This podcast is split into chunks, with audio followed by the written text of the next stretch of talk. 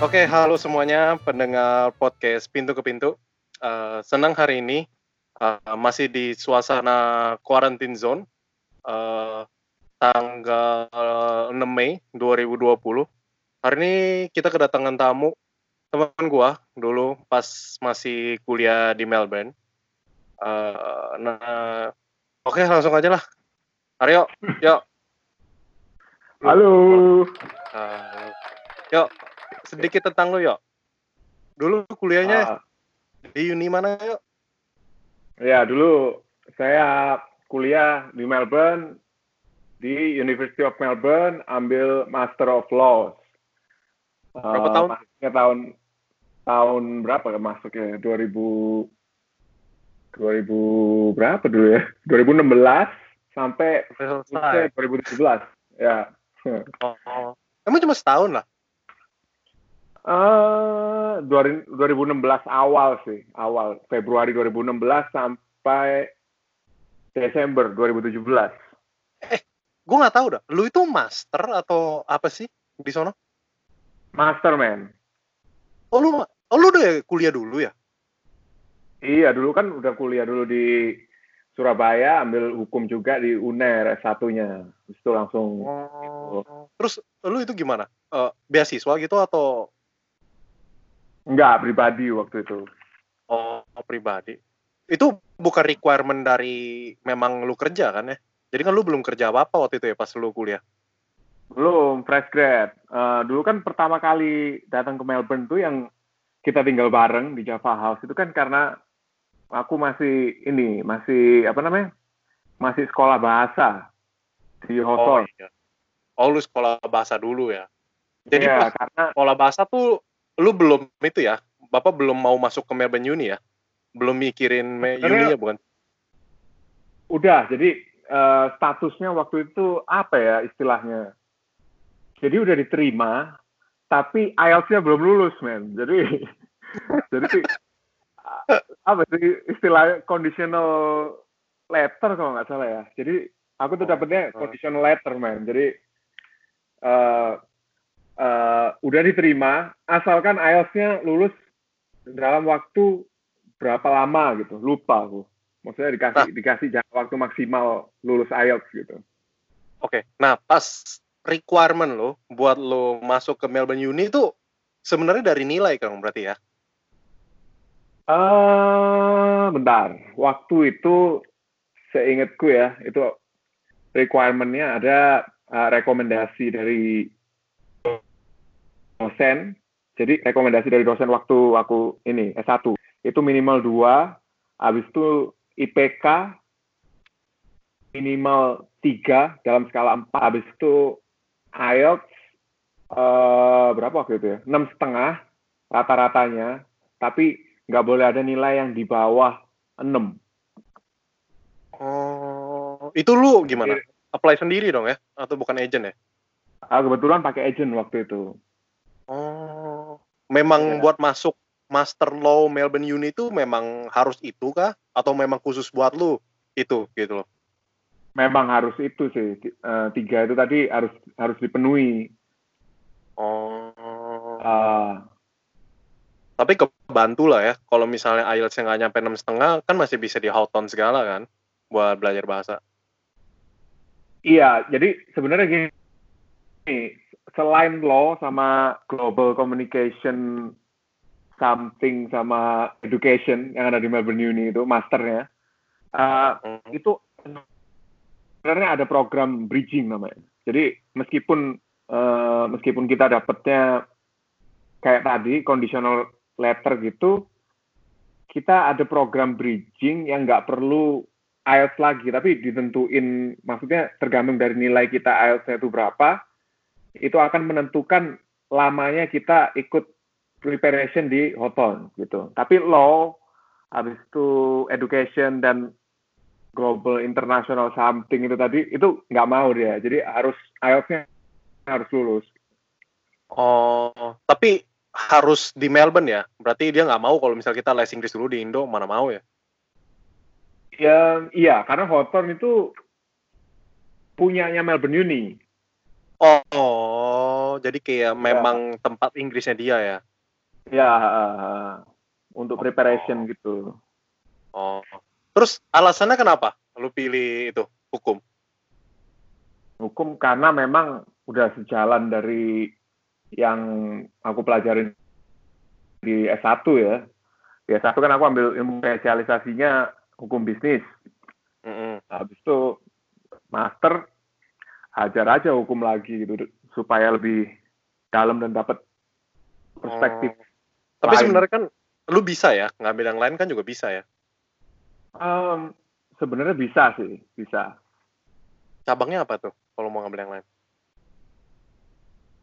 Uh, bener-bener semua sih. Maksudnya itu semua apa ya istilahnya? Semua jurusan itu kita bisa pilih, tapi tergantung uh, persyaratannya dia. Nah kebetulan yang aku tahu kan cuma law ini. Yang lainnya oh. aku kurang tahu tuh, karena kemarin waktu master juga ada ada angkatanku yang ini cuy. Uh, jadi dia backgroundnya S1-nya itu teknik sipil. Tapi okay. dia nekat ambil ambil Master of Law di Melbourne Uni gitu. Jadi oh. bisa-bisa aja sebenarnya meskipun keteteran sih akhirnya. Oh, karena, dari awal lagi. Oh, karena basicnya dia nggak punya ya? Iya benar. Jadi bener-bener harus wah ngulangin dari awal men itu dia. Resiko men. Oke. Okay. Hmm. Sekarang gini, kalau kerjaan, sekarang kan salah satu di bagian pemerintahan ya? Ya. Uh, nah, sekolah yang memang lu dari awal pengen ambil pas kuliah itu ada ya. hubungan nggak sama lu mau kerja? Uh, ini sebenarnya kompleks banget Ben kalau dibahas karena waktu hal yang tak dapat waktu master itu ambil uh. law itu uh-uh. itu bukan hanya law-nya justru yang sangat membantu itu adalah critical thinking-nya men critical thinking-nya yang, yang dihajar habis-habisan kemarin waktu waktu sekolah gitu jadi oh. sebenarnya iya hal hal itu yang sangat menolong sebenarnya di mana pun aku bekerja gitu karena oh apa ya jadi jadi jadi insting lama-lama ya. Suka suka ngomentarin orang. Mungkin sebagian orang ngomong nyinyir ya kali ya. Nggak tahu sih. Tapi sebenarnya kalau nyinyir itu bisa dimanfaatkan dengan baik ke arah yang positif itu sangat-sangat membantu men. Jadi critical thinking sebenarnya. Iya jadi kayak lo ibeli kayak pengamat gitu ya nggak sih? Um, iya uh, iya? Kita nggak nah, bisa terima gitu aja biasanya. Dikasih okay. statement apa gitu nggak bisa kita terima gitu doang. Nah terus kalau ini, uh, eh, gue cuma berpikiran aja. Dari waktu zaman lu kuliah sih, kayak misalnya kalau gue ya kan dulu kan jurusan entrepreneurship, ya kan. Hmm. Terus kayak teman-teman kita yang lain kan juga jurusan ya basic lah ya, kayak akunting, bisnis. Itu tuh kemungkinan buat kita tinggal di Australia itu gede. Which is kalau hmm. misalnya kita orang Indonesia kan kebanyakan pengen banget tinggal di Aussie ya. Melbourne kan enak kan ya. Enak gak? Hmm. Enak banget tuh. nah kalau misalnya lu bisa stay ya, kalau misalnya lu punya simulasi deh dalam otak lu, gue mau stay nih ah. di Melbourne. Menurut lu kalau dengan lulusan lu sekolah, lu tuh jadi apa sih di situ? Ah, itu susah banget. Uh, gimana ya? Setauku kemarin, jadi kan kemarin sudah ada sudah ada rencana kayak gitu sebenarnya. Mm-hmm. Cari tahu, cari info segala macam. Nah, info yang tak dapat itu kebetulan waktu itu aku sharing sama satu anak ini dari Malaysia. Si anak ini juga pengen banget tinggal di Melbourne gitu. As a lawyer tapi. Oke. Okay. Karena dia backgroundnya lawyer, bukan bukan kerja yang lain gitu, tapi as a lawyer. Nah, terus dia ngomong bahwa uh, Australia kan sistem hukumnya termasuk dalam lingkungan Commonwealth ya. Uh-huh. Itu mungkin mungkin beda beda bahasan lagi. Cuma intinya sistem hukumnya Australia sama Indonesia itu beda gitu. Jadi Australia Australia terus Inggris habis itu mana negara-negara Commonwealth lah. Malaysia juga tempatnya dia itu satu sistem hukum yang sama jadi mirip-mirip lah. Nah persyaratan ya untuk jadi lawyer di Australia itu untuk berpraktek menjadi lawyer itu ya. harus dia harus harus lulus satu ujian ini yang namanya uh, Victoria Bar Exam atau apa gitu kalau nggak salah namanya. Nah, Khusus Ada- untuk Victoria dong itu ya? Sorry. iya, ha, ha, Oke. ber- ber- un- untuk beracara di Victoria. Gitu. Tapi Oke. dia punya syarat juga untuk bisa ikut tes itu. Gitu. Waktu itu tak tanyain ada, jadi ada 11 subjek yang harus dia sudah ambil, 11 subjek hukum yang sudah harus dia ambil. Nah, si anak ini, si A ini, sudah memenuhi lima atau berapa gitu. Karena dia S1-nya di Malaysia, yang mana Malaysia itu negara Commonwealth gitu. Jadi dia sudah Mhm. dapat sudah dapat pelajaran itu gitu. Jadi dia tinggal ngisi me- memenuhi sisanya itu tadi. Gitu. Nah, jadi dia ambil dua kemarin. Udah ambil master di Melbourne Uni, dia ngambil yang sisanya itu tadi ke Monash, man. Oh. S S1-nya Monash kayaknya itu atau apa aku juga nggak ngerti ya.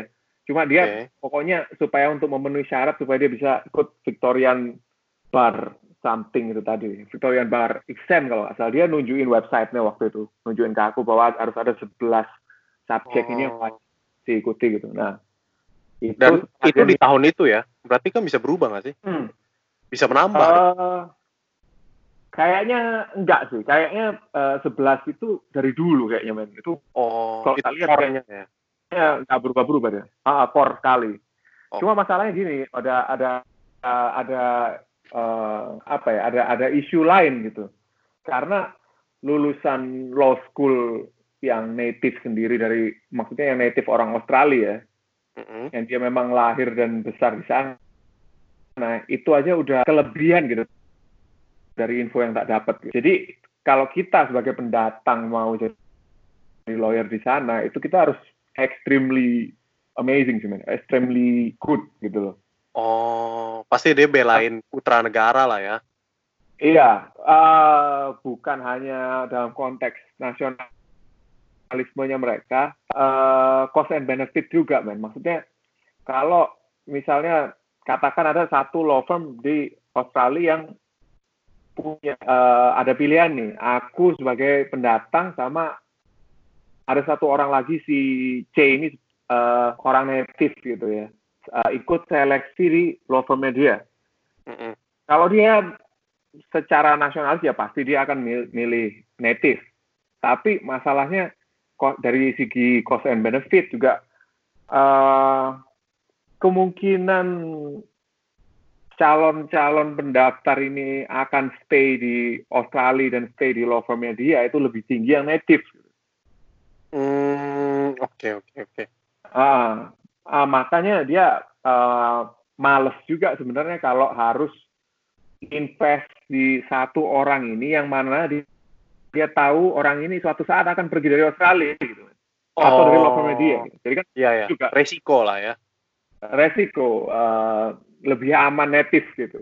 Dari info yang tak dapat sih kayak gitu ya. Nggak tahu kalau misalnya memang ada info lain dan lebih bisa dikonfirmasi apa segala macam. Cuma dari kemarin yang aku cari tahu itu gitu. Dan Oke. Eh, sejauh yang tak tahu orang-orang yang tak kenal yang berusaha ini berusaha untuk berpraktek sebagai lawyer di sana itu belum ada yang bisa gitu men belum ada yang lolos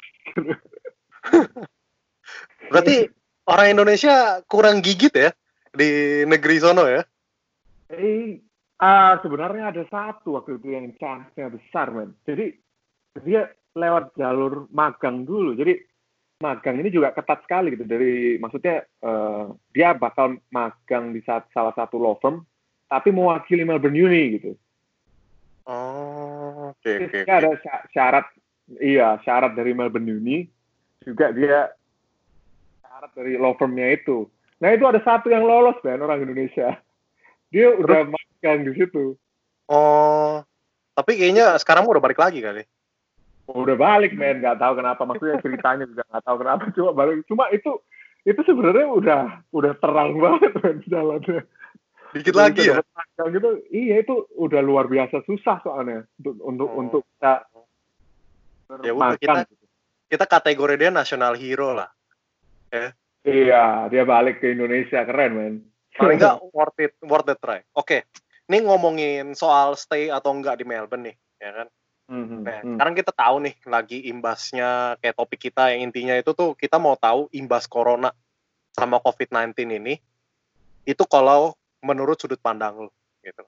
Sekarang nih eh, info terakhir gue dapat dari teman kita ya kan Mhm. itu tuh Hmm. Melbourne gue cuma tahu practically Melbourne sih. Gue nggak terlalu baca untuk berita a whole. Cuma yang terakhir itu Australia itu kalau nggak salah netapin travel ban kan? Mhm. ya kan? Terus beberapa dari mereka itu mereka sih nggak berani ngomong kayak total lockdown. Cuma kalau istilah kasarnya itu sebenarnya Melbourne udah lockdown. Ya nggak sih? Udah nggak bisa lagi keluar ya kan travel dan semuanya. Bahwa mereka Hmm.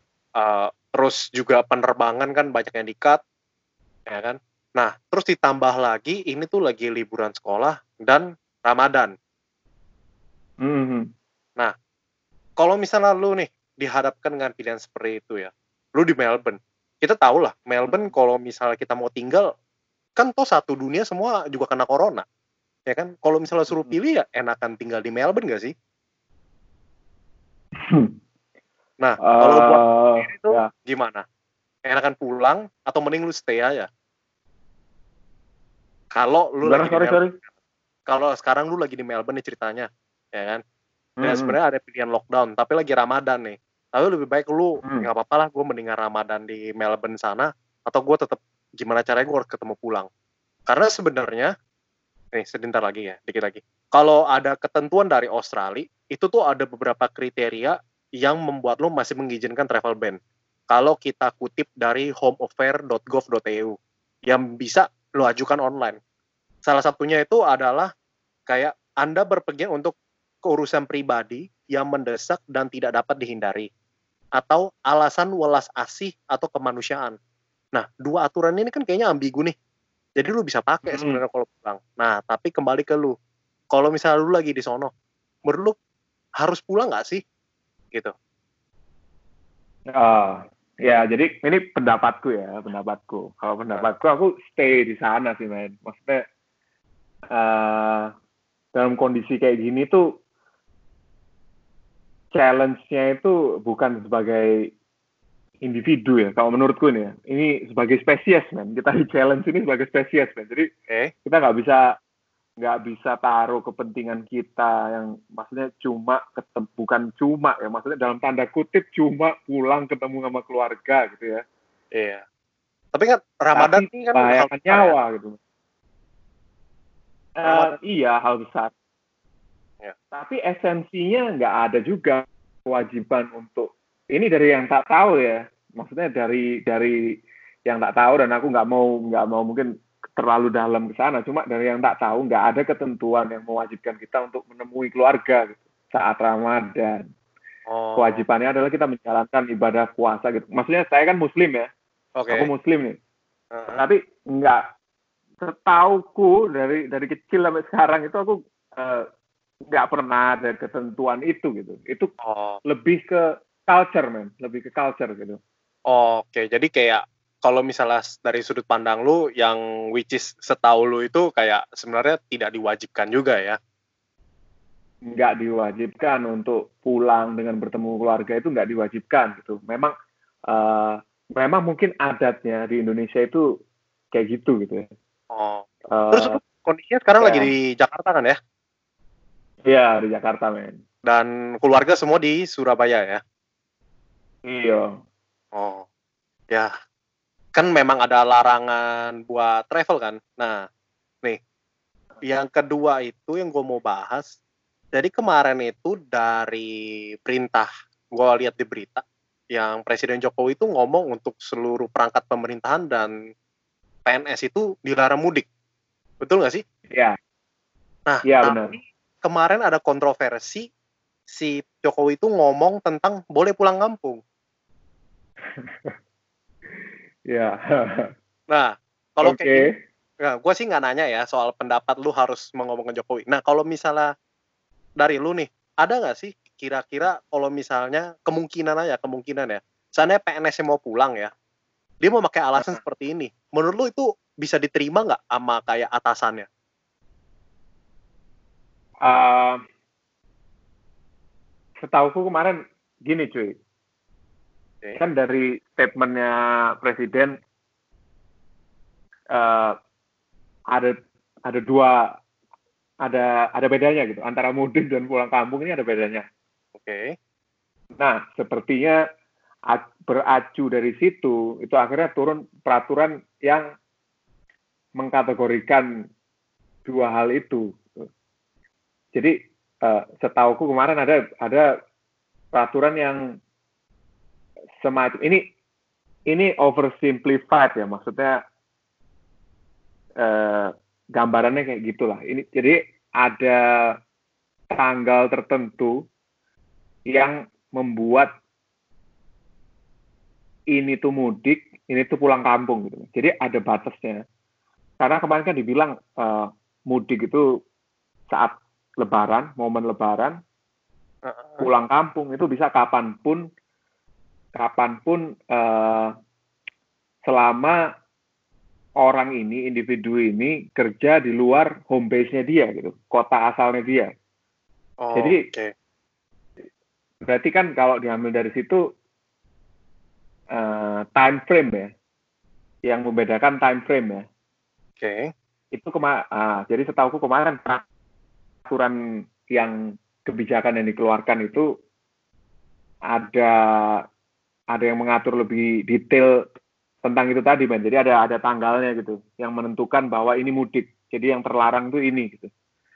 Oh, soalnya kalau misalnya dari pendapat gua ya dan teman-teman yang notabene kita itu sebenarnya nggak begitu melek juga soal hukum dan undang-undang tapi kita cuma kayak resap aja gitu loh mentah-mentah apa yang diberitakan kalau dari sudut pandang gue menurut gue pulang kampung itu adalah ketika lu udah nggak ada pekerjaan dan kayak lu dipecat gitu loh. Terus lu nggak bakal balik lagi ke Jakarta. Sedangkan mudik itu itu kayak lu liburan men menurut gue itu benar juga nggak sih? Uh, sebenarnya gimana ya?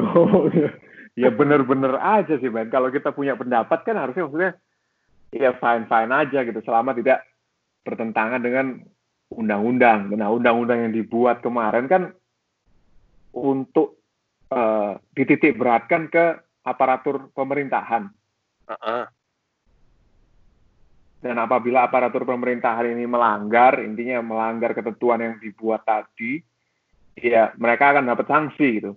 Tapi kalau orang-orang lain di luar profesi ini gitu uh-huh. punya pendapat lain menurutku sih fine fine aja ya maksudnya masuk masuk aja kan ya persepsi masuk masuk aja kan pendapat pribadi kan maksudnya satu ini dari yang dari yang tak tahu ya dulu sempat ada ada salah satu subjek di Melbourne Uni itu namanya uh, statutory interpretation jadi apabila kita menemui satu pasal atau hal yang kita atau term ya term yang kita bingungin itu ada dua cara untuk menafsirkan itu gitu. Ada ada literal interpretation sama kontekstual interpretation. Jadi kalau literal interpretation itu kita lebih cari ke kamus dan segala macam. Secara harfiah ya. Uh-huh. sedangkan kontekstual kita harus mengkaitkan term itu tadi dengan konteks yang ada gitu. Nggak bisa hanya harfiah. Jadi oh dua-duanya mau dipakai antara yang mana sebenarnya sah-sah aja gitu. Oh, tergantung situasinya di lapangan, ya nggak sih? Ya, kalau lu ngelihatnya itu situasi di lapangan berarti lebih ke kontekstual kan. Oh, benar-benar. Jadi menurut gua kayak gini. Berarti misalnya contoh kayak gini. Oh, mudik sama pulang kampung beda. Oh ya beda. Kalau misalnya lu mudik rame-rame, kalau pulang kampung lu sendiri-sendiri. Tapi dalam konteks kalau misalnya mudik itu ya lu rame-rame terus perginya itu berbareng-barengan di pas bulan Ramadan dan bikin macet sampai nggak ada social distancing ya konteksnya bisa jadi menjadi seperti itu nggak sih ya yang dimaksud sama si presiden adalah ya lu jangan berangkat rame-rame uh, kalau uh, ini ngeri juga men kalau aku harus kayaknya aku nggak mau mengomentari oh, apa-apa okay. tentang statement presiden. Oke, okay, lanjut lanjut lanjut next next next next lewat lewat lewat eh, terus tapi kalau kalau gue boleh tahu gak sih kalau misalnya uh, perang aparat pemerintahan nih kalau misalnya dia sampai ketahuan uh, itu sanksinya itu berupa apa sih potong gaji gitu Jadi ada tiga level, ada tiga level kemarin dari yang tak baca ya. Ini ini Mhm. nggak perlu tak bacain dengan secara detail kan. Maksudnya Nggak eh, perlu. Kira-kira aja sih apa sih duit kayak atau dihukum cambuk. Jadi, jadi ini ada tiga, tiga kategori, men. Tiga kategori ini ditentukan dari tiga time frame yang berbeda gitu. Heeh. Jadi time frame pertama itu tang- gimana jelasin Time frame pertama itu dia agak agak jauh dari hari Lebaran, nah. Se- agak jauh sebelum hari Lebaran. Heeh. Nah, time frame kedua dan ketiga itu semakin mendekati hari H Lebaran. Oke. Nah, tingkatan level hukumannya itu meningkat sesuai nomornya kategori itu tadi, Mas. Jadi kalau tingkat pertama itu setahu oke mungkin apa ya kemarin eh potong aduh ini aku lupa ya jujur aja coba kemarin ada ada potong gaji Heeh. sampai dengan dipecat man Oke. Jadi Hmm. Mirip lah ya. Pokoknya yang dia lawan itu adalah gaji atau pecat lah ya. ya ya antara itu sampai pecat gitu tadi Pokoknya dari tiga level itu mereka bakal mainin di situnya doang kan ya. Hmm, iya, heeh. ya antara itu. sampai di Maksudnya worst penjara, case kan? enggak, enggak. Oh. Kalau penjara sih enggak ya, karena karena itu bukan, ah, ya maksudnya belum ada ketentuan pidananya gitu. Jadi bukan bukan ini juga sebenarnya bukan kriminal gitu ya. Cuma ada kebijakan khusus gitu karena ini sedang dalam situasi yang abnormal gitu ya, yang darurat gitu kan. Oh, ya soalnya kan gue berpikir kan ibaratnya kalau aparat pemerintah itu kan bekerja langsung ke pemerintah, ya kan? Jadi kalau misalnya rakyat misalnya, oh rakyat melakukan sesuatu, dia nggak bisa main penjara gitu aja. Jadi gue pikir kalau aparat pemerintah mereka jadi kelinci percobaan. Ah, gue tes lah orang-orang gue ini, kalau udah salah aku masuk penjara aja. Gue tes. bukan, bukan gitu. Oh. ya kan? Oke, next. Ya. Ini yang satu lagi nih, yang berhubungan dengan aparat pemerintah juga. PNS hanya beberapa sektor yang dapat THR. Itu benar atau enggak dulu? Eh, ini kembali lagi seluruh statement saya di sini tidak merepresentasikan government ya. Satu. Ya, ya, ya. Yang kedua, Pasti ini ya ya. men- soalnya Itu kalau gue baca di berita itu tuh katanya tenang. Ini waktu itu baca di berita soalnya katakan memang cuma ada 10 kategori ya yang bisa Ah. dikasih THR. Uh, setauku kemarin ini cuy, eh, dari levelnya. Ini seingatku kemarin ya, waktu aku baca infonya itu dari levelnya gitu, kebijakannya. Jadi di gimana ya, di ya dalam seluruh organisasi kan ada ada struktur ya, Heeh. eh, semacam hierarki gitu dari yang paling bawah sampai yang paling atas gitu. Nah, se penangkapanku kemarin yang nggak dapet itu adalah level paling atas sampai beberapa level di bawahnya gitu men. Maksudnya dari tengah ke bawah itu dipastikan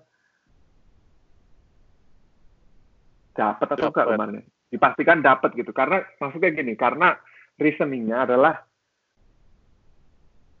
ekonomi secara di nasional ini akan semakin mandek kalau kelas menengah ke bawah ini nggak punya daya beli gitu men.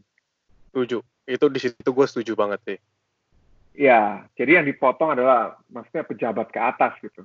Mereka udah Bener. settle ibaratnya gitu. Nah, Jadi ibaratnya kan kayak semakin rendah posisi dia. Ibaratnya gini lah, semakin kecil gaji lo, ya THR gue tetap kasih. Masa gaji udah kecil, masa gue potong lagi THR? Ya nggak sih? Iya. Se- ingetku ya kemarin itu gitu kebijakannya. Oh, Oke, oke. Ya, so far sih, ini kan THR belum pada turun ya? Kan belum lebaran ya? Belum sih. Belum kan? Kalau lu kira-kira dapat gak nih? Ngerti anjir. Lu kan posisi apa? Posisi sangat tinggi ya? Posisi, posisi minus. Minus di Oh. bawah. Kan posisi, posisi apa? nol, ini minus. back, gelandang. Nah.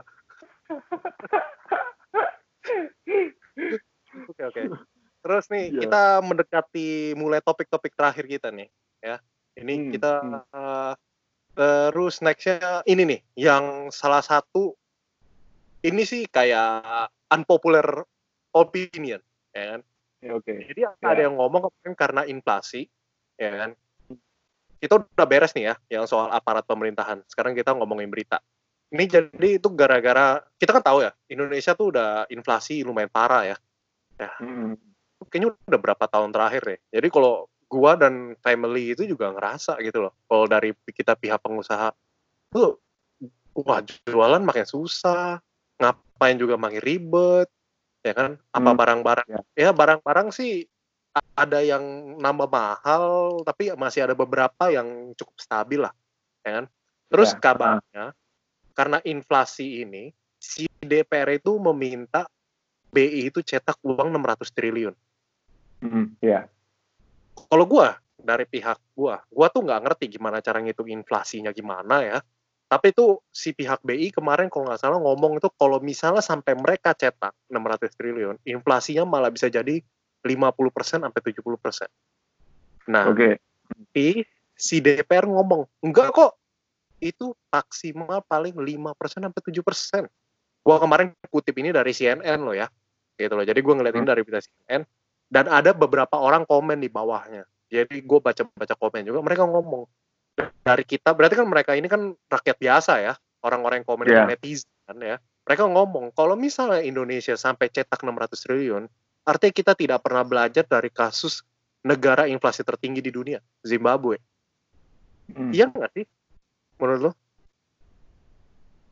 Em, aku bukan expert di expert di bidang ekonomi ya. Iya, Eh, jadi kayak terus opini lo ya menurut lo. mm-mm. terus juga maksudnya ya, in, eh, gimana ya? Konsepnya sih sebenarnya gini kan kalau inflasi itu nilainya eh, mungkin ini super super over simplified kali ya. Maksudnya simpelnya itu nilainya mata uang ini akan jauh berkurang daripada sebelumnya gitu karena dia beredar terlalu banyak gitu. Maksudnya Iya. mungkin gambarannya gini, bahasanya gini ya. Maksudnya eh, kenapa sih itu yang dulu di Melbourne antri panjang banget tuh sepatu-sepatu macam Yeezy dan lain-lain itu? Oh, iya iya. Eh, apa sih? Nah, Tapi mereka itu karena langka, bro. Nah, langka itu membuat demand naik, bro. Kalau Ya, Yeezy itulah. itu kebanyakan beredar, apakah dia akan seberharga itu? Se- se- Ini kan uangnya. Oh, jadi nilai uangnya sendiri bakal nggak berharga dong ya? Karena terlalu Aku banyak. coba, nah, meng- ah, coba menganalogikan rupiah ini tadi ke Yeezy, men. Oke. Jadi kalau uang ini dibuat terlalu banyak, kayak Yeezy tadi dibuat terlalu banyak, eh, value-nya itu nggak sama saat dia langka, cuy. Jadi apa ya? Nilainya akan berkurang gitu. Jadi uang dan nilai itu ada dua hal yang berbeda gitu. Oke. Oke, di Berarti- situ gua masuk akal. Nah, berarti sekarang gini, kalau memang cetak uang 600 triliun bukan solusi, ya kan? Itu malah nambah parah. Ya kan? Kalau menurut lu nih, lu kan bisnis law dulu, ya kan S1-nya. Ini Hmm. langkah terbaiknya apa sih sebenarnya? Wah. Wah, ini kalau aku bisa jawab jadi presiden nih, men, kayaknya. Itu pertanyaan yang sangat-sangat susah. Kalau gini aja. Kalau gitu gini aja. Langkah terbaik menurut kita deh para rakyat jelata yang gua yang cuma cari duit ya dari jualan barang, jualan makanan kayak gitu. Nah, langkah kita apa? Nah, ya mungkin gini ya, maksudnya eh circumstances ini pernah terjadi gitu di dalam sejarah itu tercatat bahwa setiap 100 tahun sekali itu ada pandemik macam gini, men. Nah, maksudnya Oke. sebagai manusia kita tuh harus belajar dari pattern itu sebenarnya, cuy. Maksudnya uh, apalagi kita sekarang benar-benar lagi di tengah-tengah situasi ini ya. Hmm. Sebenarnya planning cuy. Kita harus planningnya itu misalnya kita kemarin-kemarin kalau dalam kondisi normal ya, kita planning untuk uh, nyetok. Misalnya kita groceries nih men, groceries.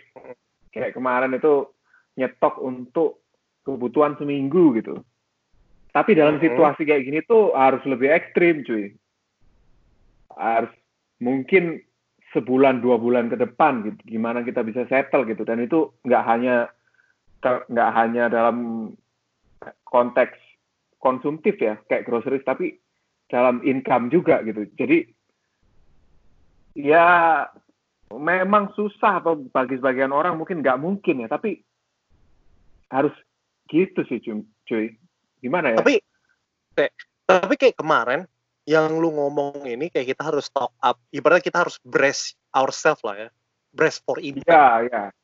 Tapi itu oh, udah dilakukan sama semua orang gitu loh. Tapi lu lihat kan berubahnya jadi apa?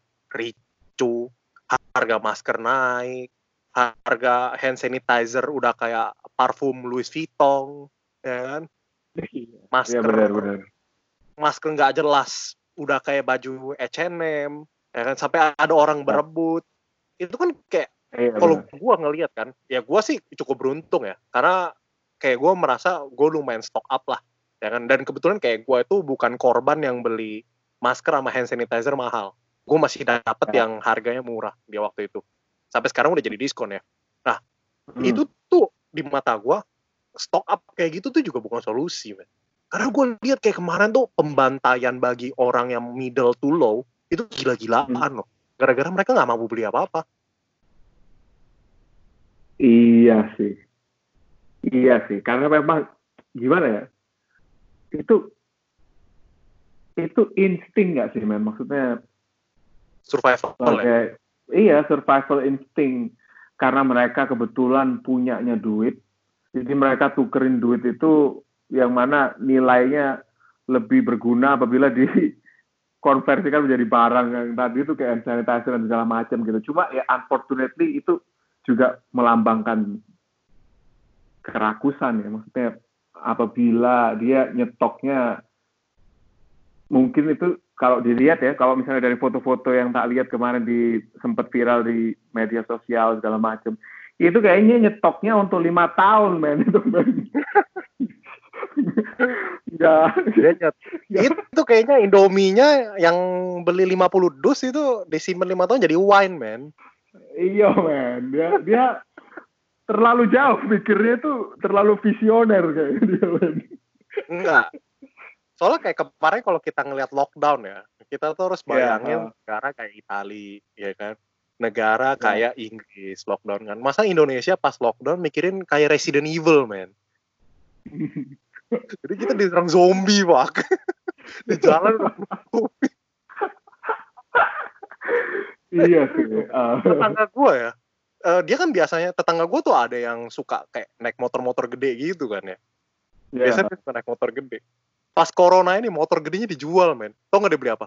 Beli ATV. Apa? Beli ATV buat naik dalam komplek. Buat apa coba? Gue gue gue ngomong sama teman gue ngapain beli ATV harusnya beli crash gear gue bilang dia tabrak tabrakin semua Rasir lu tabrak apa satpam satpam. Mau ini mau mau mainan apa namanya off road off road ini. Dan dia katanya crash bandicoot ya. Terus ah nih kemarin ya itu banyak kejadian aneh-aneh dari lambang kerakusan ini ya. Itu hmm. tuh sabun ya. Jadi kan uh, di dekat rumah gue tuh ada pasar. Hmm. Ya kan.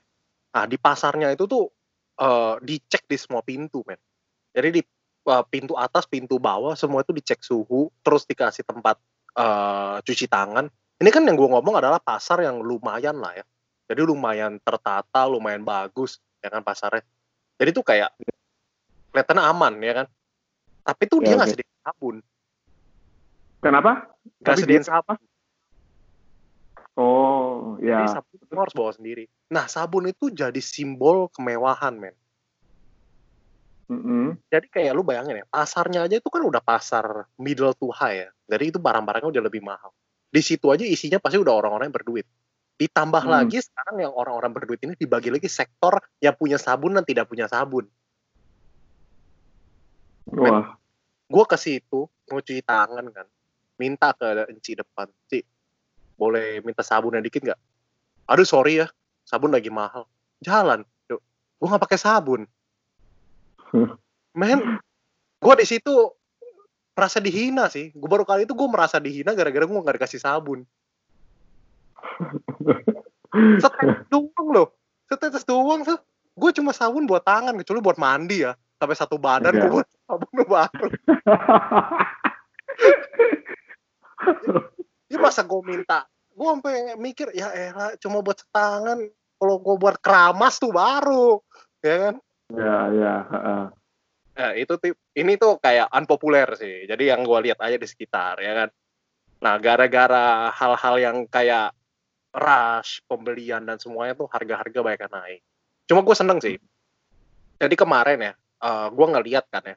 Jadi tuh banyak juga orang-orang yang lumayan berada lah, yang mungkin ekonominya tidak terlalu berdampak banyak, ya kan. Mhm. Nah, mereka itu pengen membantu, ya kan. Jadi mereka Mhm. ada yang kasih masker, ya kan. Ada yang bikinin masker gratis, ada yang ya bagi hand sanitizer sih kayaknya enggak sih, karena hand sanitizer kayaknya udah terlalu mewah waktu itu, tapi masker kain masih bisa. Terus makanan, sembako dan semuanya kan. Dan kalau dari gua lihat ya, eh, mereka beli semua itu dengan harga rush kan. Jadi mereka rush beli dengan banyak. Kayak misalnya yang Indomie sembako. Dia beli kayak yang viral kemarin tuh di Instagram sampai 50 dus, 60 dus. Ya kan? Heeh. Tapi terus ujung-ujungnya dibagiin lagi ke orang-orang yang nggak mampu. Menurut gua nggak salah-salah juga, men. Iya nggak sih? Iya, iya, ya kalau misalnya ya, kalau misalnya konteksnya dia beli 50 dus itu untuk dibagi, Heeh. maka dia sebenarnya bantu bantu beberapa level kelas lagi di bawah dia gitu kan. Harusnya harusnya kayak gitu kan logikanya. Iya, Cuma masalahnya kadang-kadang kita iya. nggak nggak bisa mastiin juga kan dia melakukan itu gitu. Iya, jangan-jangan di just tip. just tip di tengah kurang. Kerajaan dijual jadi kayak easy. Wow. Indomie. Tuh- Orang-orang antri Udah. dua hari. Jalan apa itu dulu? Jualan easy di Melbourne. Iya. Nanti dia tulis, makanlah Indomie sebelum akhir hidup Anda.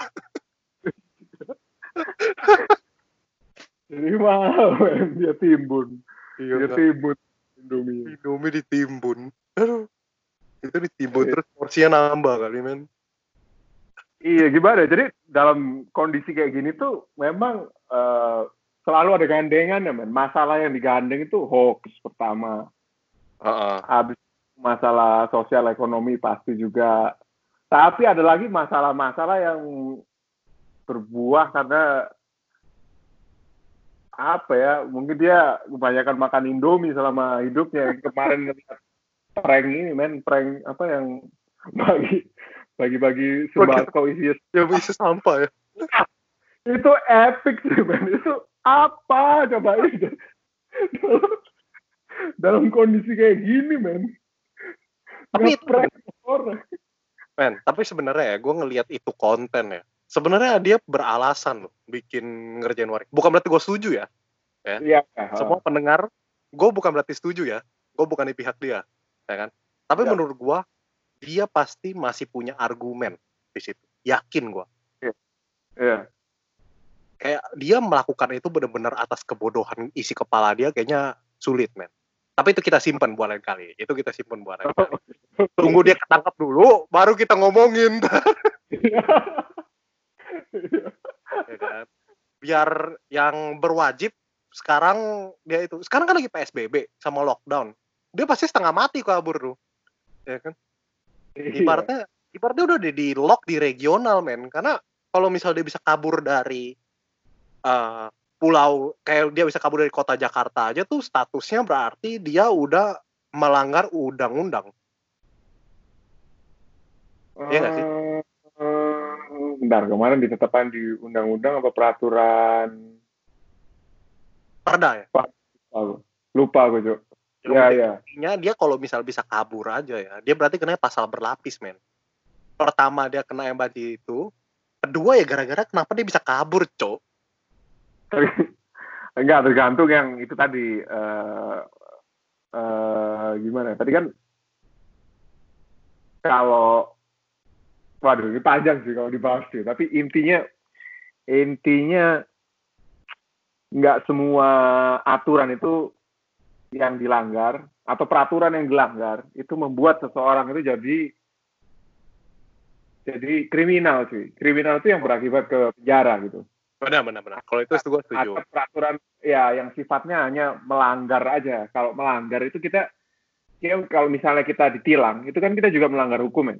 Ah, Istilahnya melanggar ya, bukan melawan. Maksudnya melanggar. ah, Tapi ah. kita bukan kriminal, cuy. masa bukan? Kriminal. Bukan. Bukan. Emang kita eh, ngelanggar marka jalan bisa dipenjara kan enggak, men? Itu tuh masalah penjara atau bukan tergantung tingkat seberapa jauh hukumannya nggak sih, men? Beda, ada karakternya cuy. Yang bisa dipenjara itu yang eh, delik pidana gitu. Nah, kalau kita hanya ngelanggar lalu lintas itu sifatnya pelanggaran, bukan bukan delik pidana. Jadi itu konsekuensinya bukan ke penjara arahnya cuy. Kalau dia ngelanggar marka jalan, ngelanggar marka Iya. jalan, udah ngelanggar, dia berhenti di pinggir, parkir, meledak mobilnya. Mati sih. nah, itu, itu baru Kal- kalau dia menyebabkan orang lain kecelakaan atau eh, apa ya mencelakai orang lain lah intinya itu ada ketentuan pidananya gitu. Nah, Nah, kalau kalau mobilnya meledak, men, ya kan? Dia udah bunuh sekitarnya. Nah, terus itu dia masih kena tilang nggak? Atau masuk penjara? anjir. kalau kalau dia meninggal ya enggak, men. Masih ditilang mobilnya mayatnya.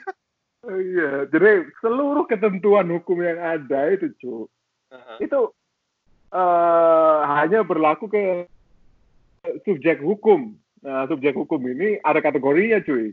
Kalau dia tidak memiliki nyawa, itu tidak bisa dikategorikan sebagai subjek hukum. Oh, benar, benar, benar. Itu gue setuju. Berarti kesalahan nggak dibawa sampai mati ya, men? Eh, kalau pidana enggak. Tapi kalau perdata iya bisa. Eh, iyalah.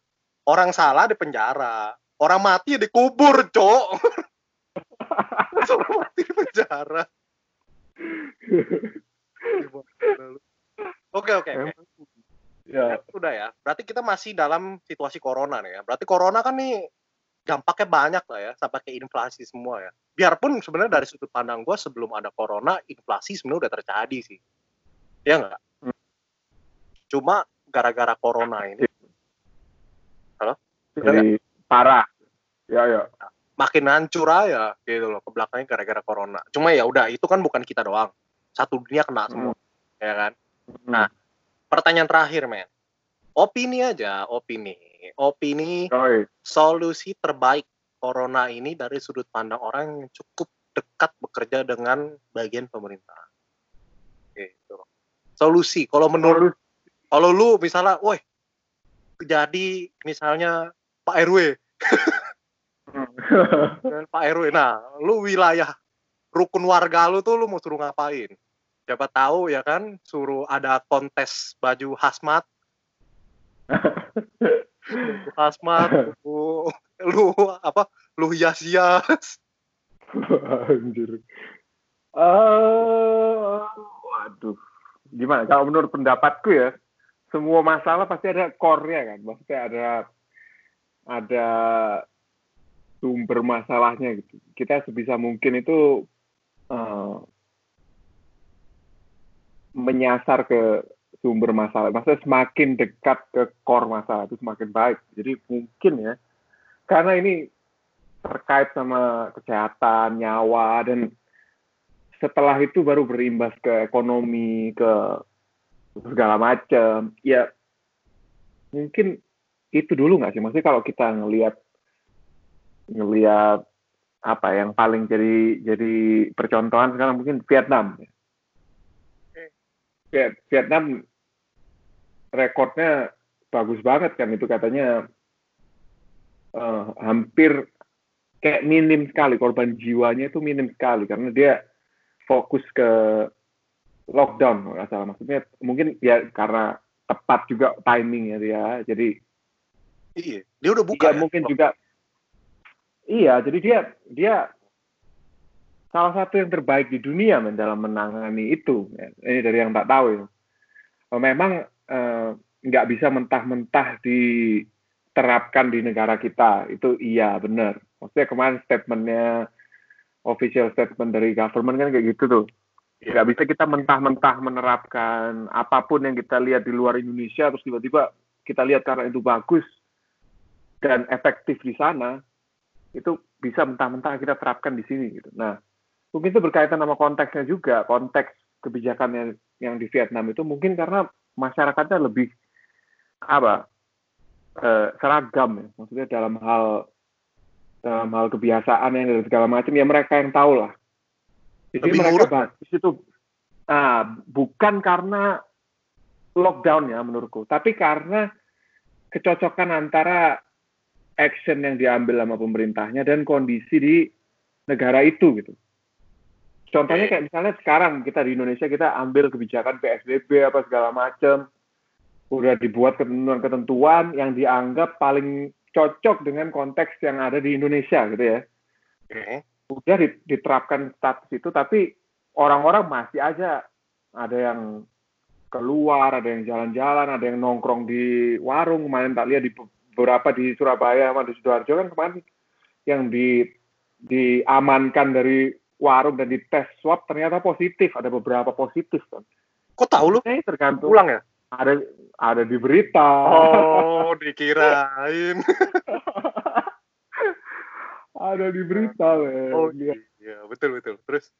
Maksudnya jadi itu tadi balik lagi ke challenge ini tuh bukan challenge individu men. Challenge uh, COVID-19 ini bukan challenge ke seorang Kevin Hartawi atau ke si A si B lah bukan cuy. Ini sebagai uh, challenge ke humanity sebagai satu society gitu cuy. Jadi gimana ya? Harus kerjasama men intinya. Benar benar. Nggak bisa nggak bisa dari atas sudah ada kondisi A yang di, dianggap paling cocok tiba-tiba di bawah ada opini lain yang dianggap mereka benar juga. Mm -hmm. tapi mereka terus bergerak atas kemauannya sendiri gitu cuy. Jadi nggak sinkron, jadinya malah nggak karu-karuan. Karena karena itu tadi balik itu tadi kalau kalau menurutku ya bukan lockdownnya yang jadi solusi cuy, tapi kecocokan antara konteks dan solusi yang ditawarkan pemerintah itu sih man. Oh, masuk akal, masuk akal. Iya. Jadi untuk sekarang menurut lo yang paling penting adalah kita dan aturannya, apa pun itu aturannya ya, kita harus sepaham dulu ya. Sepaham dulu cuy. Berarti yang kemarin presiden ngomong yang paling penting adalah disiplin diri itu dong ya. Nah iya, kayak harusnya itu sih men, disiplin diri. Tapi kalau menurut lu mungkin nggak sih? Seandainya gini deh, seandainya kita mendisiplinkan diri ya. Sekarang kan dia ngomongnya PSBB kan. Jadi benar-benar kita tidak ada yang bandel sama sekali ya tidak ada yang bandel sama sekali jadi benar-benar cuma berapa sektor yang buka yang memang dikasih buka dan yang boleh jalan. Terus tiba-tiba ya. ini benar-benar kayak berhenti. Nggak ada, jaminan juga kan ya? Ya itu kemarin eh, gimana ya menurut beberapa ahli yang tak lihat ya yang maksudnya expert ahli ini dalam artian dia expert di bidang kesehatan gitu ya uh-huh. itu mereka ngomong intinya uh, ada untuk membunuh virus ini kan bisa pakai cara vaksin sama apa kemarin kayak semacam antibody yang didevelop sama diri kita sendiri kan. Oh nah, iya iya. Vaksin ini kan lama banget nih men. Kayaknya kayaknya bahkan beberapa berita itu berita internasional itu paling cepat bahkan statementnya Bill Gates juga dia ngomong paling cepat adalah 12 bulan, paling lama adalah 24 bulan. Waduh. Itu katanya Bill Gates nah, mau bikin obat ada chipnya tuh. Nah, itu nggak tahu ya, itu isu lain. Oh, Tapi, isu lain. Oke, okay, oke. Okay, ya. Maksudnya gini, men. Uh, kalau kalau dua hal itu tadi mungkin dari itu dua dari sekian banyak hal ya itu yang akan jadi solusinya untuk membunuh si COVID ini. Yang satu adalah 12 uh, waktunya adalah 12 sampai 24 bulan. Ya kita nggak mungkin nungguin itu dong. Iya, Cok. Keburu kita bisa salvation, Habis. Terminator salvation. iya, men. Jadi kita harus ada langkah lain kan. Mungkin langkah yang diambil government sekarang itu yang dianggap paling efektif untuk paling enggak menghambat cuy persebarannya, bukan menghilangkan ya. Tapi menghambat karena memang itu satu-satunya yang bisa kita lakukan. Menghambat maksudnya. Nih nih, gue di baru dapat. Oh sorry sorry. Ini gue baru dapat nih berita nih kan, tiba-tiba nongol di CNN nih. Jokowi ngomong kurva corona harus turun bulan Mei dengan cara apa pun. Oke. Okay. Ya. Nah, Terus kata dia nih ya di dalamnya target kita di bulan Mei ini harus betul-betul tercapai. Sesuai target yang kita berikan yaitu kurvanya sudah harus turun dan masuk posisi sedang di Juni, di Juli posisi ringan dengan cara apa pun. Ini kan dia udah ngomong dengan cara apa pun ya. ya kan? Okay. Terus terus dia ngomong untuk itu tidak dilakukan hanya oleh gugus tugas, tapi juga seluruh elemen bangsa, jajaran pemerintah, organisasi sosial masyarakat, relawan, partai politik dan sektor swasta ini harus diorkestrasi dengan baik. Ya kan? Okay. Saya yakin jika kita bersatu, disiplin, semua rencana yang sudah disiapkan yang lalu bisa mengatasi COVID dengan secepat-cepatnya. Ini kalau dari uh, statement Jokowi, berarti ini tidak ada perubahan lagi nih ya. Berarti Jokowi itu masih pede dengan cara dia, ya kan, untuk hmm. melawan corona ini, dan dia yakin planningnya dia di bulan Mei turun ini sukses dengan cara itu. Karena dia tidak ada perubahan nih. Kalau misalnya gue, contohnya ya, misalnya gue jadi presiden gitu ya, contoh gue jadi gue ya, mungkin gue udah kalah kabut kayaknya, panik pasti, ya kan? Mungkin udah kayak Donald Trump ngomongnya ngomongnya ngaco ngomongnya Donald. udah udah nggak sinkron men gue udah yeah. apa yang gue ngomong kemarin sama gue ngomong hari ini gue udah nggak ya. Nah itu itu itu tantangan yang lain men sebagai seorang kepala negara gitu kan. Ibaratnya gini deh uh, dalam konteks perang zaman dulu deh. Kalau lihat Game of Thrones atau apa gitu ya perang film-film perang itu ya bayangin aja lu jadi ini ya jadi ini ya cuk jadi prajurit ya. Kalau ngelihat rajanya ketakutan atau ngaco ya gimana coba?